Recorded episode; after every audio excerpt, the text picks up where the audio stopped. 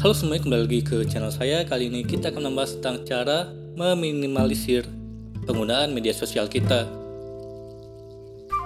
Pada video sebelumnya, kita membahas tentang bagaimana dampak media sosial bisa berdampak sangat buruk dan kita perlu bijak dalam menggunakannya. Dan ini adalah cara mengatasinya. Yang pertama adalah analisislah hal-hal penting bagi kita pada dasarnya, ketika kita akan mengkonsumsi konten atau informasi, pasti memiliki motivasi sendiri, baik pendidikan, hiburan, atau ilmu pengetahuan. Namun sering kali kita terjerumus pada informasi atau konten-konten yang tidak penting, dan malah sering kita tonton atau konsumsi. Solusinya, coba analisis kembali informasi atau konten apa yang penting untuk kita konsumsi setiap hari, atau informasi apa yang memang pantas kita baca atau tonton sehari-hari. Jika yang kita perlukan adalah konten politik, maka konsumsilah dari media-media yang jelas keberadaannya. Begitupun konten lainnya.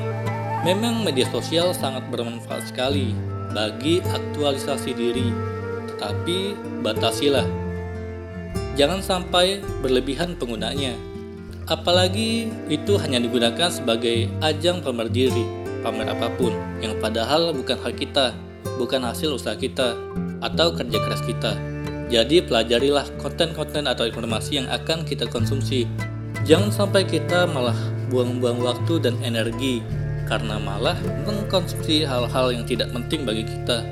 Oleh karena itu, analisis ini akan berkaitan dengan target dan waktu yang harus kita habiskan dalam berselancar di internet dan media sosial. Yang kedua, unfollow atau kurangi akun-akun media sosial yang tidak memberikan kontribusi positif. Jika dilihat secara detail, sering kali media sosial kita ternyata dipenuhi oleh akun-akun yang asal kita follow, padahal akun-akun tersebut tidak sesuai dengan apa yang kita targetkan. Hal tersebut tentu jauh dari kesan minimalis dalam bermedia sosial, dan malah semakin membuat kita betah atau kecanduan terhadap konten-konten yang tidak penting. Solusinya adalah kurangi atau berhenti mengikuti, blok atau menghilangkan berlangganan konten-konten atau informasi dari akun-akun tersebut. Jika kita ingin fokus pada konsumsi tentang pendidikan, maka berhentilah mengikuti akun-akun yang hanya menyajikan konten prank atau konten yang tidak penting, termasuk mengakses konten-konten kehidupan selebriti secara berlebihan. Kita perlu bijak dalam mengikuti idola-idola kita di media sosial jangan sampai berlebihan. Itu tidak akan berdampak baik bagi kita. Ketiga, buatlah daftar akun-akun utama dalam memberi manfaat sembari menemukan akun-akun baru yang lebih inovatif. Mendata akun-akun yang penting untuk kita konsumsi harus dilakukan untuk minimalis dalam bermedia sosial.